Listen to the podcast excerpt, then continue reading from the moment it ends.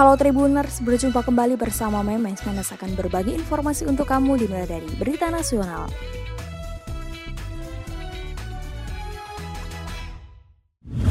Sebuah pesawat sipil asing unscheduled dengan Kalsik VOR06 nomor registrasi G DVUR tipe DA62 yang sedang terbang dari Kucing ke Sene Malaysia diperintahkan mendarat oleh Tentara Nasional Indonesia Angkatan Udara di Batam pada Jumat 13 Mei.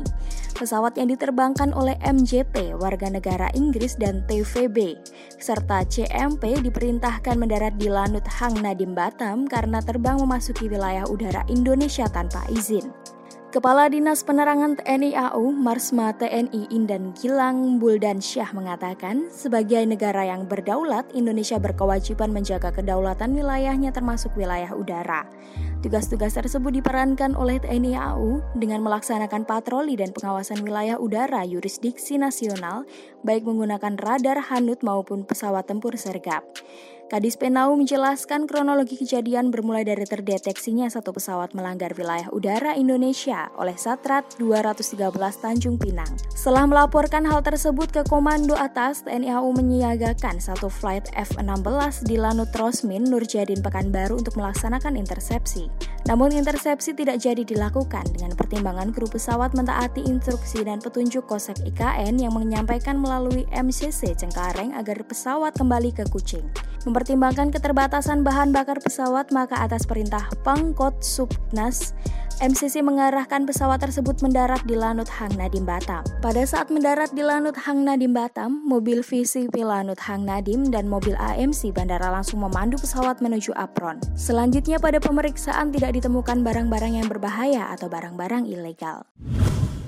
Selanjutnya berita regional Tribuners. Terburu-buru karena istri hendak melahirkan di rumah sakit, Miss Fernandi yang mengemudikan mobil menyebabkan kecelakaan beruntun. Kecelakaan tersebut terjadi pada Jumat 13 Mei di Malang, Jawa Timur, tepatnya di Jalan Raya Gadang. Kejadian bermula saat Honda Brio Nopol DD1776TZ berjalan dari arah utara ke selatan. Di saat menyalip kendaraan yang ada di depannya, mobil Brio tersebut mengambil haluan terlalu ke kanan hingga melebihi marka jalan. Di saat itulah Honda Brio terlibat kecelakaan dengan truk Isuzu Nopal N8742UF yang berjalan dari arah selatan ke utara. Setelah terjadi tabrakan, truk Isuzu yang dikemudikan oleh Saiful Bahri, warga desa Karangsuko, Kecamatan Pagelaran, Kabupaten Malang itu oleng dan menabrak bagian samping Toyota Calya yang berjalan lurus dari arah utara ke selatan. Setelah itu truk Isuzu terperosok ke selokan yang ada di depan pabrik rokok PT Ongko Wijoyo.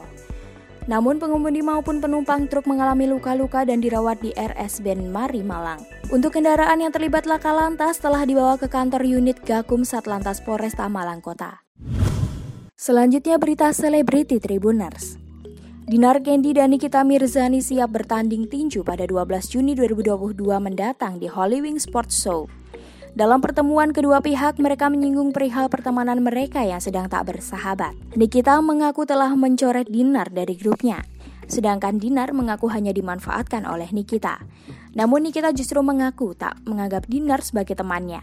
Lebih lanjut lagi, Niki juga menyinggung perihal Dinar yang tak bisa disebut sebagai seorang selebriti.